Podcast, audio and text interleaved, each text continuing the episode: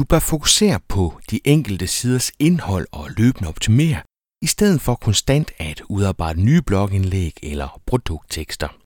Episodens emne er Evergreen Content, og eksperten er Nikolaj Mogensen. Velkommen til Potterkort, en podcast om markedsføring på internettet. Din vært er Ip Potter. Det er vigtigt at blive fundet på Google, men det ved du allerede. Men hvilken strategi kører du egentlig? Producerer du meget nyt content, eller giver du dig tid til at skrive længere indlæg, hvor du kommer i dybden med emnet? For hvad er egentlig mest værd? 10 korte indlæg optimeret til 10 relateret, men alligevel forskellige søgeord og søgesætninger, eller skal du kaste al din energi ind i at lave artiklen over alle artikler, der fuldstændig udtømmer emnet og besvarer samtlige spørgsmål? Marketing-eksperten Nikolaj Mogensen er ikke i tvivl om, hvilken vej du bør gå. Du skal producere evergreen indhold, altså artikler, der holder i længden og som har længden. Nikolaj har samlet ni gode grunde til, at det er den vej, du skal gå. Men inden du får de ni grunde, så skal der lige lyde en tak til webbureauet CO3 og Marketing Camp for deres støtte til podcasten. Emnet er stedsegrønt indhold, og eksperten er Nikolaj Mogensen. Jeg hedder Nikolaj Mogensen. Jeg arbejder til daglig med øh, SEO og Ungt Media hos Skubem i København.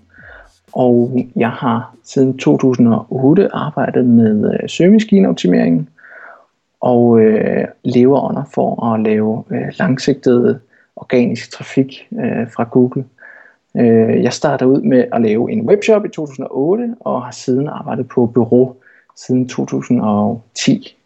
Øh, jeg har arbejdet i forskellige bureauer, og nu er jeg så endt hos, øh, hos GUBM, som er sådan en af de, øh, en af de største brugere inden for, for SEO og, og ung media i, i Danmark.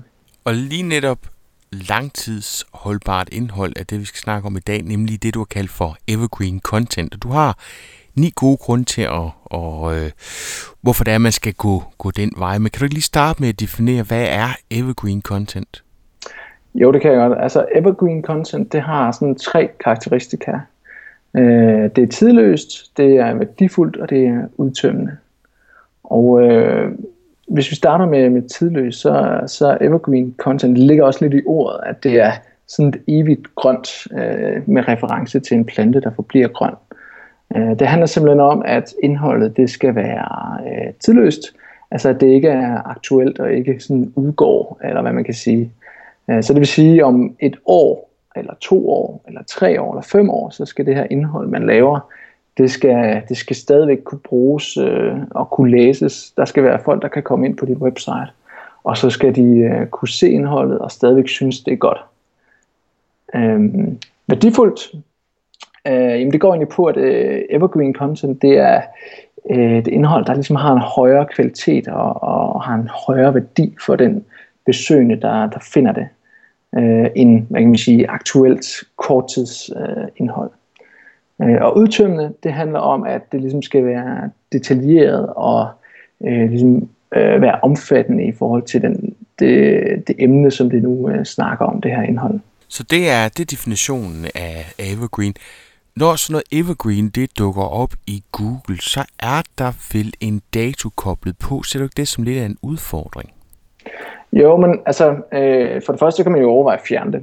Øh, Øh, så hvis man fjerner den, så, så vil den ikke have den der aktualitet. Så det er den ene mulighed. Den anden mulighed, det er, at man kan, øh, man kan i stedet for at skrive created on, eller lavet den, eller udgivet den, så kan man sige opdateret den. Så det vil sige, at, at i stedet for, at, øh, at man øh, udgiver noget indhold på et stykke tidspunkt, og så vil det altid stå som værende udgivet på det stykke tidspunkt, jamen, så kan man løbende øh, opdatere det her indhold, og så vil ligesom datoen rykke sig frem.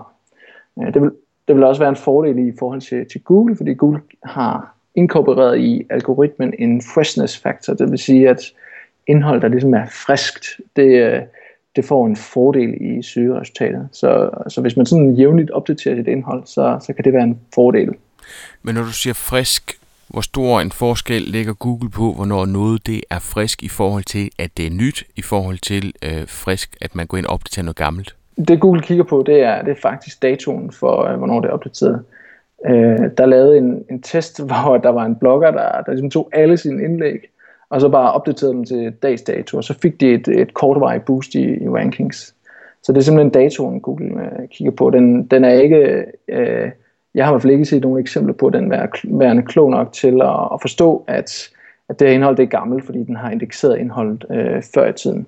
De eksempler, jeg har set, der har, der har Google ligesom, øh, hvis det er, at man bare laver små opdateringer, så begynder Google ligesom at, sådan, øh, hvis den har set, at det er en side opdateret rigtig mange gange, øh, og der ikke er sket noget nyt på den, jamen, så begynder den at, at være ligeglad med den her dato på, på indholdet. Så, så faktisk så, så kan man sagtens have en artikel, og så gå ind og tilføje et par afsnit, ændre et andet afsnit, og så, så opdatere den.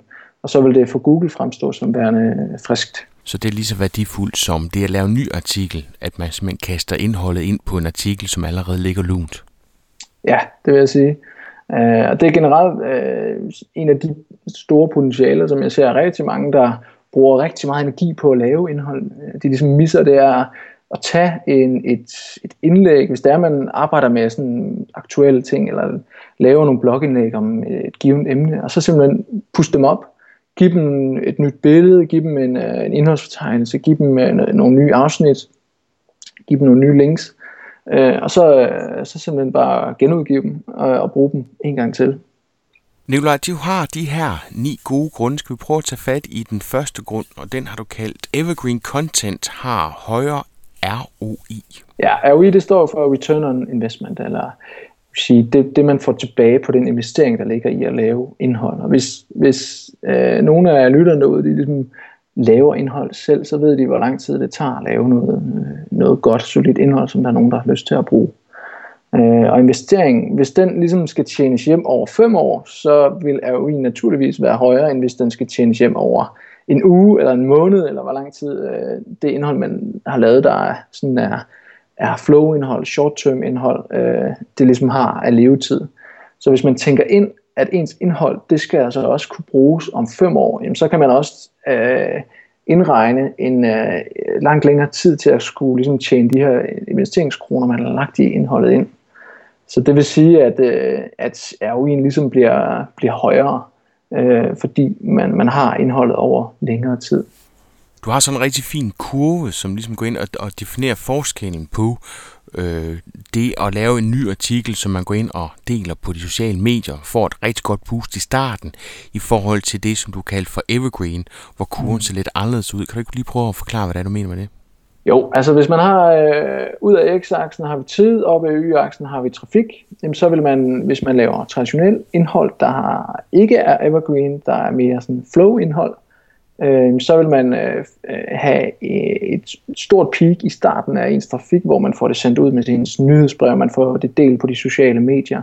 Og så vil det ret hurtigt efter det ligesom falde i trafik. Og jeg tror, hvis, hvis mange af os prøver at gå ind og kigge på noget af det indhold, vi udgiver, tager et enkelt post og kigger på landing uh, ind i Analytics, så tager det som landing page, så vil man se den her tendens med, at der, når indholdet det bliver udgivet, så har man en kæmpe peak, og så falder det stort set ned på, på 0. Øh, konceptet med evergreen content er, at du har et peak i starten, fordi du selvfølgelig prøver at udgive det, men at trafikken ind til indlægget faktisk er efter det stabilt højt, og faktisk også begynder at stige fordi at øh, dit indhold oparbejder bedre og bedre placeringer i, øh, i Google, og det bliver brugt mere og mere øh, som nyhedsbrev, fordi der er flere og flere, der linker ind til det udefra. Så det vil sige, at i stedet for at have et stort peak i starten, der så falder ned til ingenting, så starter du lavere, og så begynder kurven ligesom at, at gå opad, sådan at, øh, at man efter øh, et-to år stadigvæk får masser af trafik ind på, på det indhold, man har lavet. Så dit argument nummer et, det er, at øh, det simpelthen er, er tiden værd at gå ind og lave evergreen frem for at lave de her, det du kalder for flow, altså hvor det er flere forskellige øh, indlæg, som man kommer med. Og dit punkt nummer to, det er, dine læser vil elske det. Ja, og det, er så, det hænger jo sammen med, at øh, når noget indhold det er udtømmende, altså at man forklarer noget i bunden eller i dybden, øh, og når noget indhold er bedre end noget andet, jamen øh, så, vil, øh, så vil læseren naturligvis også synes, øh, synes bedre om det og være gladere for det. Øh, en af grundene til, at det netop er øh, længere og bedre, det er jo, at øh, at man har en, øh, en længere tidshorisont på indtjeningen, så derfor så kan man også gøre mere ud af det her indhold. Øh, og når man gør mere ud af det indhold, og det kan være så både længden af, af indholdet, det kan også være det materiale, man bruger omkring det, om det er grafik eller billeder, eller video for den sags skyld, øh, eller podcast, som vi har gang i her, jamen så, så får øh, brugeren eller øh, den læser, man får ind for website, simpelthen bedre værdi ud af det. Og øh, hvad kan man sige, når man så bruger det indhold, både på de sociale medier og i nyhedsbrevet, jamen så har man øh, noget kvalitetsindhold, man ligesom kan, kan linke ind til øh, øh fra de andre øh, kanaler, man ligesom har i ens markedsføring. Det kan principielt set også være ens øh, offline annoncering, eller øh, banner annoncering, eller øh, Facebook øh, retargeting, eller øh, hvilken kanal man nu bruger, jamen, så har man noget super værdifuldt og værdiskabende indhold, øh, som, øh, som den besøgende får, får meget mere ud af at, at finde og læse end et kortsigtet, kort indhold, øh, stykke indhold, som er, som er lavet for, fordi noget lige er aktuelt lige nu og her. Og det kan også være, det kan jo have sin berettigelse at lave noget højaktuelt indhold, især hvis du er, hvis du er øh, arbejder med at få social delinger og arbejder med at, øh, at skabe et boss lige nu og her, så kan, så kan aktualitet være sindssygt vigtigt. Det er jo faktisk, øh, det er jo faktisk et af øh, hvad hedder det, nyhedskriterierne, at noget er aktuelt. Og, og det snakker vi jo lidt imod her. Øh, simpelthen fordi, øh, at øh, det at bruge mere tid, når noget ikke er aktuelt, så har du mulighed for at bruge mere tid omkring indholdet, gøre det bedre og gøre det, gøre det mere gennemarbejdet, gøre det dybere. Og det er ligesom det, som, som dine læsere belønner dig for, når de så kommer ind på dit website. Og jeg kan godt følge dig, Nikolaj. Men jeg tænker også, og jeg er med på, at dine læsere vil blive glade, fordi du har brugt noget tid på at lave noget, der er rigtig godt. Men det kunne du vel også gøre ved at gøre det som 10 artikler, hvor læseren måske netop har nemmere ved at finde det, som de egentlig søger. Altså jeg har selv nogle gange sådan, at når jeg kommer ind til et indlæg, hvis det er mega langt, øh, sandsynligheden for at få det læst for det første, hmm, den hænger lidt. Og hvis der er noget helt specifikt, jeg gerne vil vide inden for det her område, så er jeg lidt træt af, at jeg skal løbe en halv bibel igennem for at nå ned til essensen. Ja, det, det kan jeg sådan set øh, også godt forstå.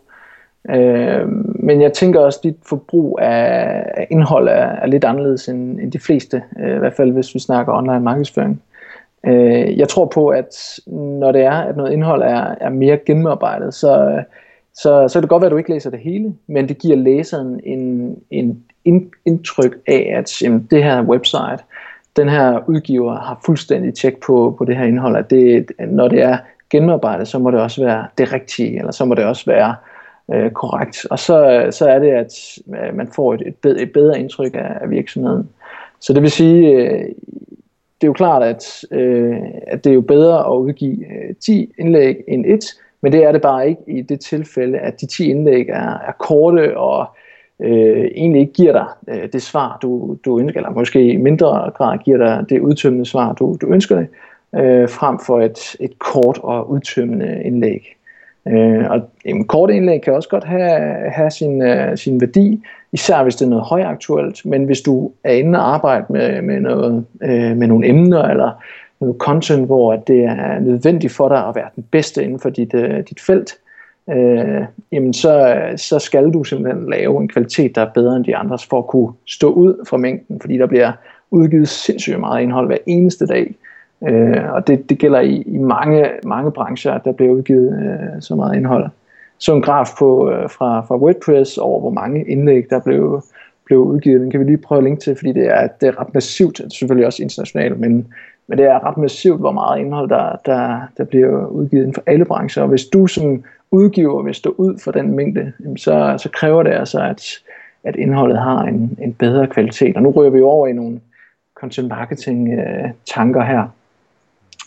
Øh, men der, der er selvfølgelig det, det vi ligesom skal øh, hvad man siger, kredse om her, det er, at øh, der ligger, for mig at se, ligger der potentiale i øh, for mange sådan, øh, personer, der arbejder med content marketing, virksomheder, der arbejder med content marketing, i at fokusere lidt mere over på indhold, der er vedvarende, fordi de lægger så mange penge i at lave indholdet. Hvorfor, så, hvorfor skal indholdet så kun have en levetid på to måneder? Hvorfor ikke lave noget indhold, der har en levetid på flere år?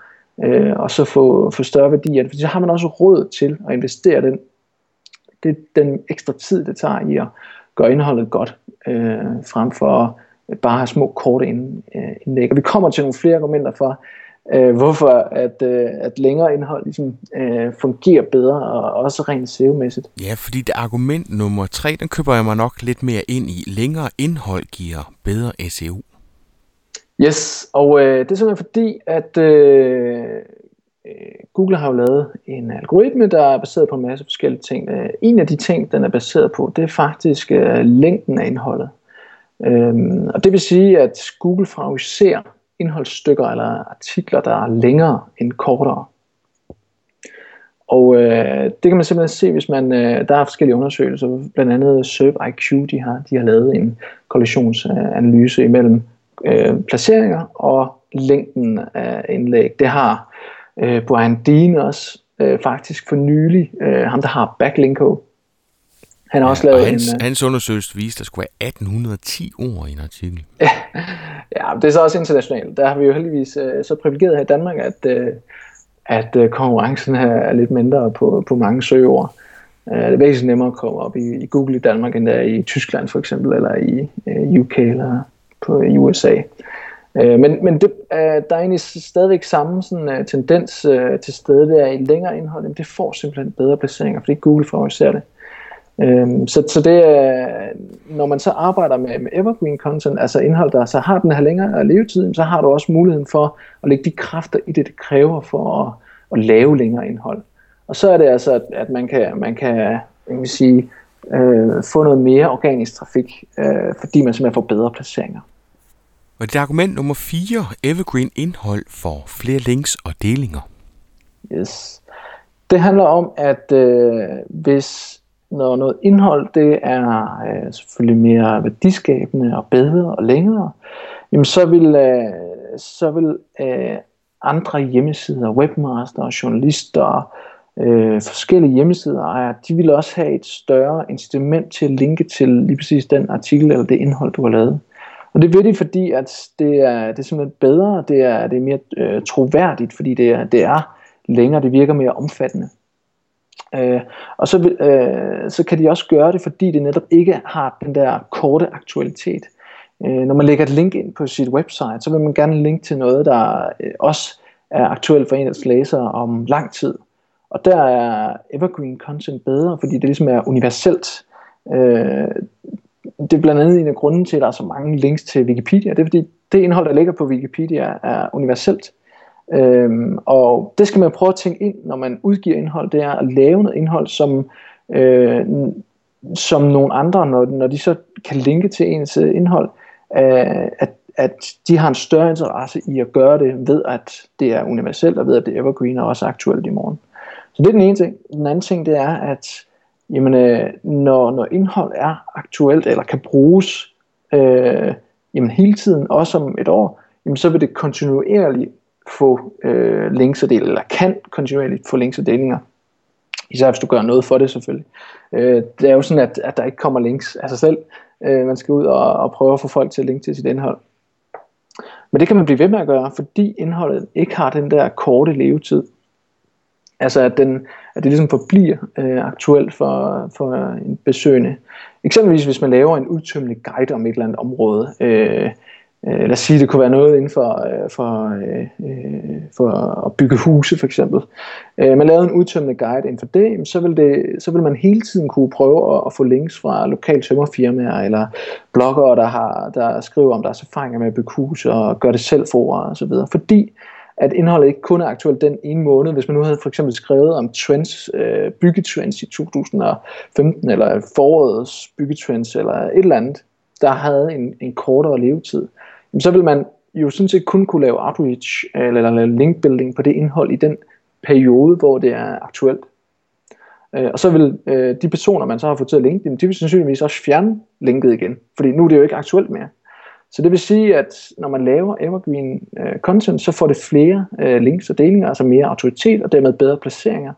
Øh, dels fordi, at det, øh, det har mulighed for at få flere links, og dels øh, fordi det, det er bedre øh, content, man laver, fordi man investerer mere tid i det. Så igen, så er det kvaliteten af det, man laver, mere end det er længden. Jeg tror, det er der, hvor jeg sådan, om jeg er enig eller uenig, øh, fordi det, jamen det er fordi, vi snakker lidt om, om det med længden, og det, det er jo egentlig ikke det, der er vigtigt, Nikolaj. Er det det? Fordi du kommer hele tiden mm. tilbage til, at det skal have en værdi, og det skal være uaktuelt. Ja, altså værdien er vigtig, uh, uaktualiteten er, er, er vigtig, fordi uh, at så kan du blive ved med at, at arbejde med, med delinger og, og links, uh, også fremadrettet. Øh, det kan jo være, være super fint at skrive en, en rapportage fra Marketing Camp, for eksempel, øh, som, som jo er højaktuel lige nu. Men det vil ikke være et stykke indhold, som man vil kunne, uh, kunne bruge til efteråret, når man uh, skriver et nyhedsbrev. Det vil ikke være et stykke indhold, man kunne række ud til, uh, til, til personer i branchen uh, til efteråret. Fordi der, altså, der er indholdet ikke aktuelt mere. Så det kan man kun bruge den måned efter, eller den uge efter, at man har lavet den, uh, komplette recap af, af Marketing Camp, eller øh, hvad det nu kunne være for en begivenhed. Hmm. Øh, og selvfølgelig, øh, selvfølgelig kan, kan det stykke indhold også være effektivt, men jeg mener bare, at øh, når man udgiver indhold, så bør man have klar overvægt over i at øh, fratænke aktu- aktualitet. Man kunne også lave det her indhold, øh, hvis man nu tog til Marketing Camp og gerne vil lave sådan en kom- komplet recap, så kunne man jo sagtens lave det indhold, man vil lave som evergreen content, ved bare ikke at skrive, at man havde fået det på Marketing Camp, eller havde fået tipsene på Marketing Camp, men bare lave det som, uh, som reelt content, uh, lave guides eller et eller andet i den stil. Ikke? Uh, så pointen er ligesom, at uh, når man arbejder på indhold, der ikke mister sin aktualitet, så, så får det uh, flere links og delinger. Uh, det er den ene ting. Og den anden ting, det er, at man har jo længere tid til at oparbejde øh, de her links og delinger på øh, eller til. Så det vil sige, at øh, et indhold, der er et, øh, et stykke indhold, der er 3-4 år gammelt, kan jo have øh, oparbejdet væsentligt flere links end et indhold, der, der kun er øh, en måned gammel. Så det vil sige, at man, man får en, en større historik og, og autoritet og trust øh, ifølge Google, og dermed så vil man også få, få bedre placeringer. Dit argument nummer 5, det er, skriver du short tail, kommer long tail også. Jeg tror, du skal lige prøve at starte med at definere forskellen på short tail og long tail. Yes, um, long tail, det handler simpelthen om, at man, øh, når man skriver content, jamen, så kan man overveje at fokusere det, sit indhold imod nogle meget, meget specifikke søgetermer, som man så kan få placeringer på i Google. Og short tail, det handler om at fokusere på øh, meget, meget, specif- øh, meget sådan generiske søgetermer, der er helt kort. Det kunne for eksempel være øh, lån, eller det kunne være boliglån. Nogle meget, meget korte, øh, korte søger, hvor at øh, longtail kunne være øh, øh, lån til udbetaling af andelsbolig, øh, som er en meget mere, mere specifik øh, søgeterm.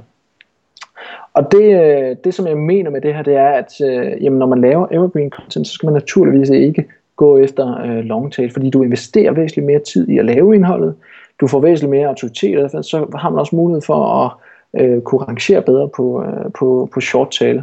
Fordi at øh, jamen, når indholdet får oparbejdet alle de her links og øh, er længere, jamen, så kan det konkurrere på nogle meget, meget mere konkurrenceprægede søgeord.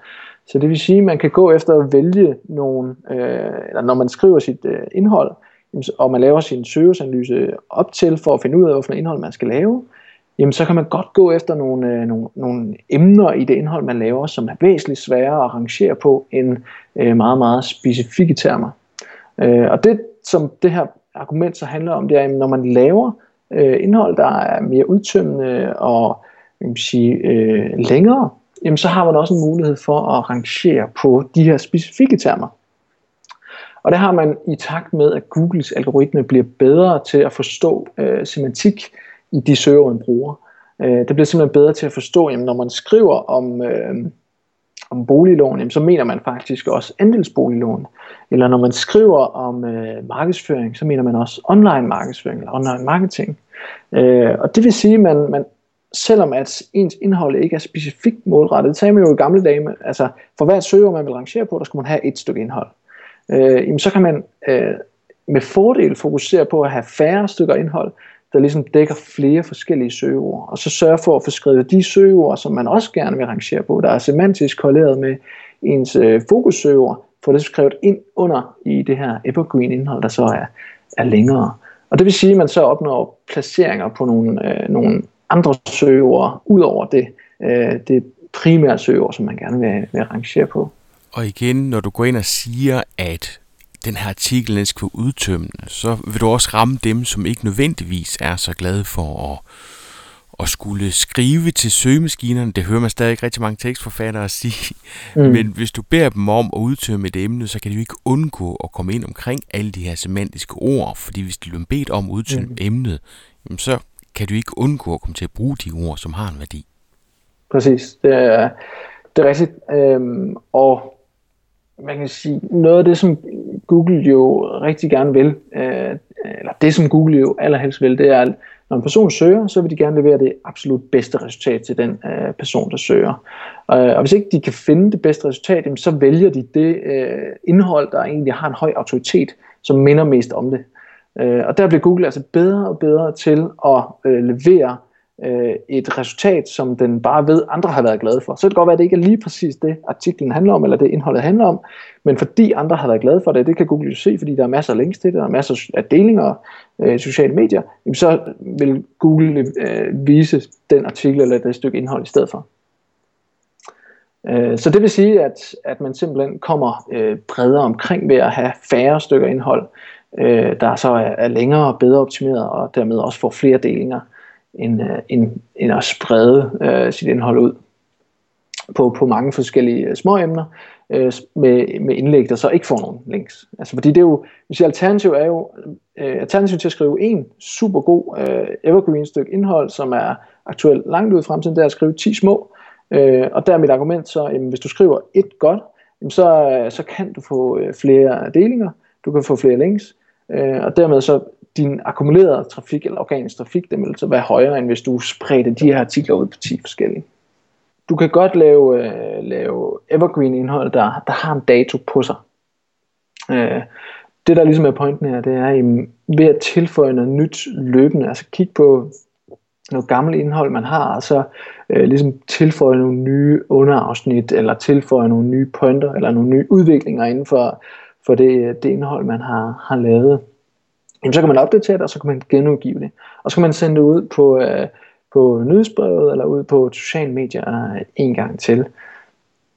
Og det er altså fordi, at indhold behøves ikke at være, det hele indhold behøves ikke at være helt frisk.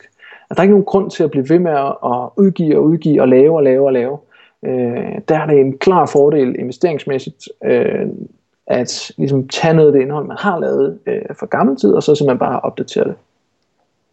Og det mener jeg er en stærkt undervurderet øh, content marketing øh, disciplin, simpelthen at genbruge indhold, øh, genudgive indhold og bruge det en gang til, fordi altså, der er jo, hvis du udgiver noget indhold for 3-4 år siden, jamen, så er der jo ingen, der kan huske det indhold, at det, at det havde du udgivet en gang ud over dig selv. Øh, og du har måske fået øh, afskillige nye læsere eller nye følgere i, i mellemtiden, så derfor så, så giver det simpelthen bare super god mening at tage noget gammelt indhold, og så genudgive det lige min pointe til det, det er, at man skal, man skal ikke opdatere sin URL, øhm, eller det er i hvert fald frarådet. Altså hvis, hvis man har en, et stykke indhold, som man har udgivet på en specifik URL, jamen, så skal man beholde den URL. Øh, og det er også en af grundene til, at man aldrig skal have datoer og noget, der ikke er øh, evergreen i sin øh, URL, og man skal altid bare sørge for at have sådan en kort URL på, på det søgeord, som, som er det primære søgeord, som man gerne vil have artiklen ligesom skal, skal rangere på. Fordi så kan man blive ved med at, at opdatere og genudgive det her indhold, uden at, at man er nødt til at lave redirects, og uden man er nødt til at lave øh, øh, forskellige øh, øh, omdigeringer, og dermed miste øh, autoritet. Hvad med meta-title og meta-description? Skal man også gå ind og ændre den? Altså hvis du har skrevet noget aktuelt i, øh, i titlen og beskrivelsen, så vil, jeg, så vil jeg anbefale, at man gør det. Men ellers så behøver man jo ikke gøre det. Forhåbentlig så er man jo starter ud med at lave en titel og en beskrivelse, der ligesom er øh, super god til, til det stykke øh, indhold, der kan drive øh, trafik ud fra Google, og også kan have, øh, kan have søgeord i, i starten af sin titel, og, øh, og have nogle call to actions i titlen, der gør, at der er så mange som muligt, øh, der klikker på ens øh, søgeresultat. Men hvis nu det viser sig, at det er generiske ord, man er gået efter, der har man ikke lige været så heldig. Man opdager lige pludselig, med en konkurrence med nogen, som man ikke kommer til at kunne overgå. Du snakker om, at det her long tail, det får vi forærende. Kunne man så gå ind og så finde et andet short tail søgeord i håb om, at man kan nå den plads?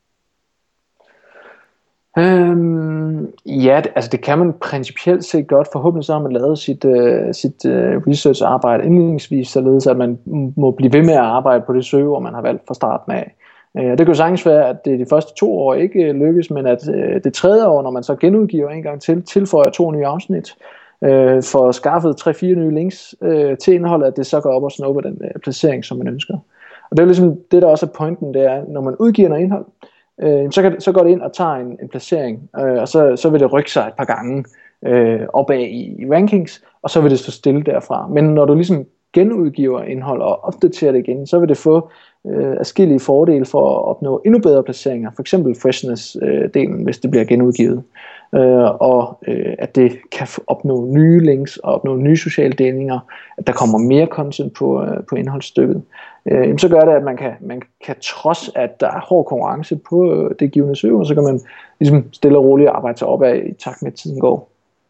Fordi man får oparbejdet øh, endnu mere autoriteter og trusts og delinger ind på, øh, på den konkrete artikel.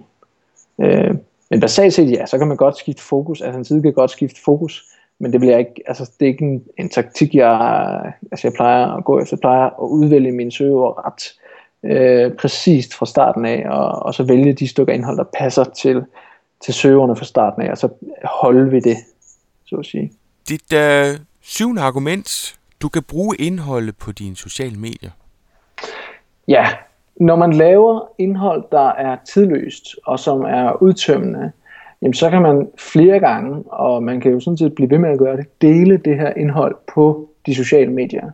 Øh, man kan måske ikke hver måned, men øh, måske en gang hver anden eller tredje eller fjerde måned, kan man dele det indhold, man har lavet, afhængig af hvad, selvfølgelig, hvad det er, og øh, hvad det er for en, en kanal, man har lavet på de sociale medier.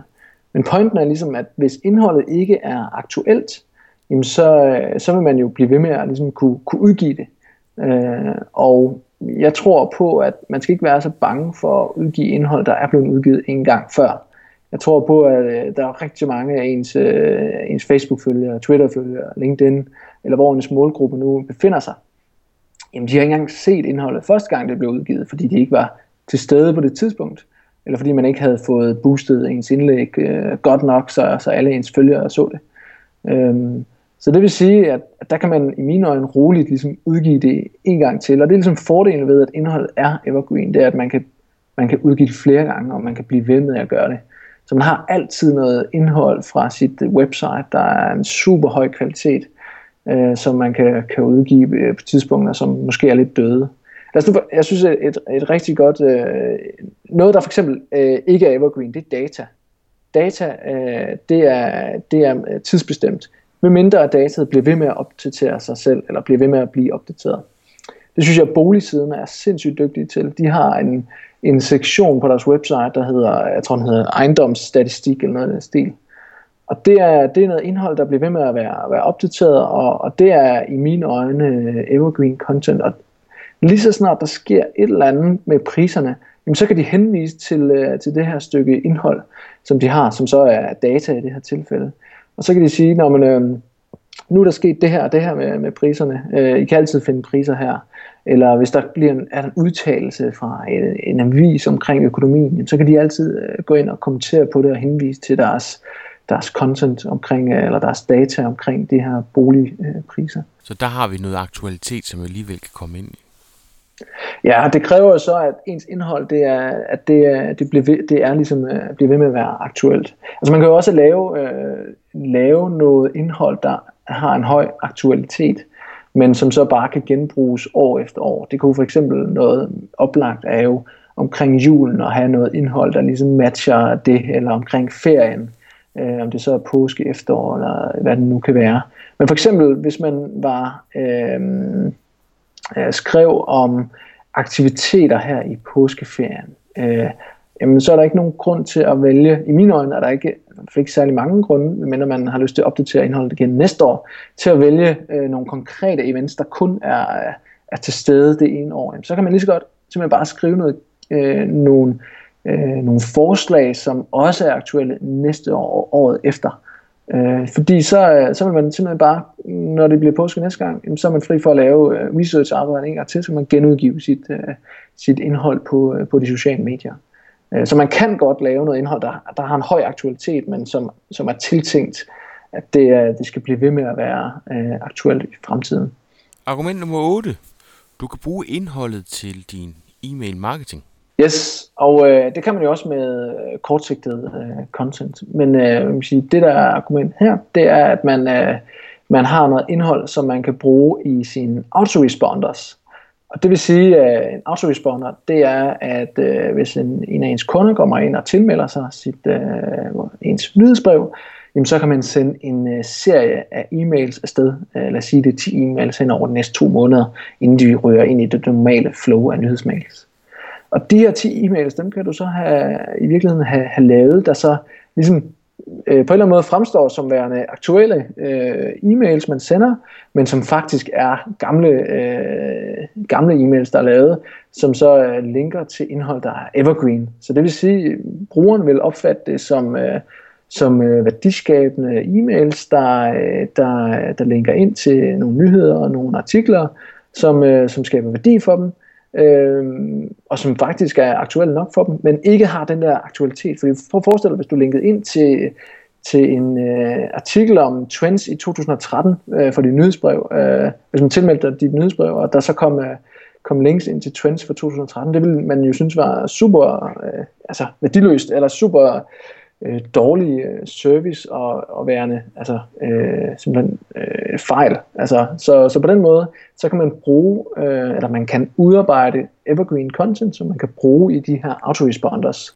Men vi er enige om, det er ikke en lang artikel, man kan linke til flere gange i flere forskellige e-mail. Altså, så er det flere stykker evergreen content, man linker til, ikke?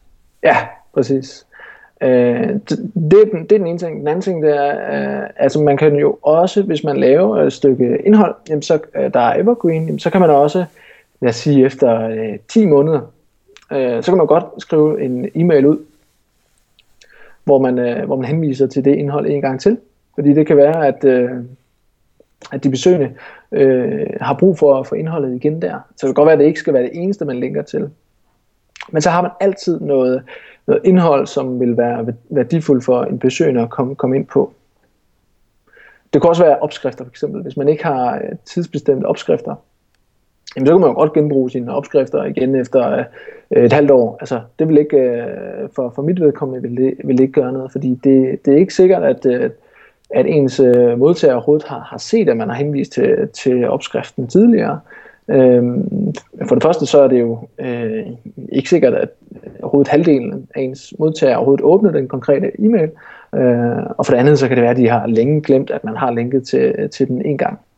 Så på den måde, der, det at have evergreen content gør, at man har mere materiale øh, at henvise til, både i ens normale nyhedsbrevsflow, men også i, i den, øh, eller især i de her autoresponders, hvor man kan, kan give kunderne sindssygt stor værdi øh, for at tilmelde sig øh, altså nyhedsbrevet. Jeg har set øh, en række online marketing øh, fora ligesom har lavet sådan et øh, øh, sådan et uddannelsesforløb, hvor man så tilmeldte sig, og så fik man øh, 10 lektioner. Og de lektioner var reelt set bare øh, artikler, de sendte. Så 10 artikler, der var evergreen, som de så sendte ud øh, på, på e-mail-format. Og så kan man lige pludselig, øh, altså ved at tænke det her ind i sin, øh, sin markedsføring, sin e-mail marketing, så kan man få øh, rigtig meget ud af det indhold, man laver, ved at, øh, at gøre det øh, altså tidløst og udtømmende, fordi så kan man netop bruge dem i de her situationer. Så pointen er i virkeligheden, øh, det, gør, det, det lyder måske lidt kringlet det hele, men pointen er i virkeligheden, at man skal, man skal tænke ind, at øh, ens indhold ind i andre kanaler. Øh, og en af de måder, man gør det ved på, det er ved at netop at lave det tidløst og udtømmende. Det sidste argument, Nikolaj, det er, at du kommer til at fremstå som en ægte ekspert. Det vil vi jo gerne, ikke? Mm. Det er sådan, at øh, Google øh, har lavet, øh, de har sådan nogle øh, personer, der sidder og, og bevæger sig rundt på nettet og får løn for at øh, give indhold karakter øh, og bestemme, hvor, hvor godt noget indhold er. Og en af de parametre, som øh, de bestemmer øh, på, hvor godt noget indhold det er, det er, om øh, den person, der udgiver det, er øh, hvad hedder det, sådan en autoritær, er en ekspert. Øh, og hvad kan man sige, når man arbejder med at lave øh, evergreen content, der er øh, udtømmende, jamen så kommer man til at fremstå som en ekspert, eller i højere grad til at fremstå øh, som ekspert, fordi kvaliteten bliver, bliver højere. Øh, og det vil sige, at man, man, man laver ligesom noget indhold, der, øhm, der ikke blot er, er aktuelt lige nu, men, men også er aktuelt øh, i morgen og om lang tid, og dermed så, øh, så må man også, sådan som, som jeg ser det godt være, det er, det er lidt for tænkt det her, men, men så må man også øh, komme til at fremstå øh, som en bedre person, eller som en person, der har mere styr på det, fordi det indhold, man laver, er universelt. Øhm, og det kan for eksempel, altså et eksempel på, på indhold, som er øh, evergreen, at det er, det er for eksempel øh, guides, det er definitioner, øh, FAQs, øh, ting, som, øh, som altid forbliver aktuelt. Altså definitioner er jo et, et super godt eksempel på, øh, på evergreen øh, content. Og, og det, øh, det får altså, sådan som, som jeg ser det, en til at fremstå som en, en større ekspert, end hvis man lavede en, øh, en, øh, noget flow-indhold, der er, der er kun tidsbestemt til en kort periode. Um, og hvad kan man sige, når noget indhold ligesom får et andet format, altså får et format, der hedder, at det indhold skal kunne, altid kunne tilgås, altid kunne bruges på ens hjemmeside, jamen så kommer det også til ikke at være gemt væk nede i på side 4 på ens blog, eller på side øh, 5 i ens nyhedsfeed, øh, jamen så, kommer det, så har man mulighed for at trække indholdet op og give det en mere prominent placering på, på websider og bruge det mere. Altså jeg, jeg, jeg synes i den grad, at en hjemmeside kommer til at fremstå bredere og større, hvis det er sådan, at, at indholdet det er tænkt som evergreen. Øh, og, og det er min pointe også, at det får websider til at, eller den person, der udgiver indholdet, til at fremstå som en ekspert, og det giver altså bedre placeringer øh, i, i Google øh, på sigt. Øh, ja. Hmm. Hvad giver det mening? Jamen det gør det, Nikolaj. Men det er jo lige før, at du, altså nu sidder jeg for eksempel og kigger på din, og nu kalder jeg det lige for en blog, men i virkeligheden, så skulle vi nok lade være med at kalde det for en blog, fordi den er jo netop bundet op på det her lidt spontane, logagtigt noget, hvor du i den grad går hen og, og laver artikler, ikke? som så går hen og bliver evergreen. Ja, altså øh, min blog er egentlig også lidt ting som, at øh, så kan jeg udgive en bog på et tidspunkt. Så det vil sige, når jeg skriver et indlæg, jamen så skal, så skal det indhold kunne bruges i en, en bog på et tidspunkt. Så det vil sige, så kan jeg samle alle mine øh, indlæg, og så kan jeg binde dem sammen på en eller anden måde. Øh, og, og det er faktisk også en meget god måde at tænke, når man udgiver indhold på, jamen, hvis jeg udgav det her indhold som værende i en bog, jamen vil, vil folk så læse dem om et år? Vil det give mening? Vil det give værdi for, for læsere om et år? Og øh, hvis det gør det, jamen så, så mener jeg i hvert fald, at man rammer væsentligt mere rigtigt. Øh, og så, øh, så får man ligesom øh, mere værdi for sine penge, og man får øh, bedre placeringer i Google. Og det er to ting, jeg rigtig godt kan lide. Øh, det er at tænke den der langsigtede værdi, frem for at prøve at få den der kortsigtede øh, sådan one-hit uh, wonder øh, indlæg. Øh, fordi hvis man tænker, at ens indhold, det skal, det skal ligesom kunne bruges lang tid ud i fremtiden, jamen så får man også en anden, helt anden tilgang til, til det indhold, man laver. Man, bruger væsentligt mere tid på det, man, man tænker det mere igennem, man tænker det mere universelt.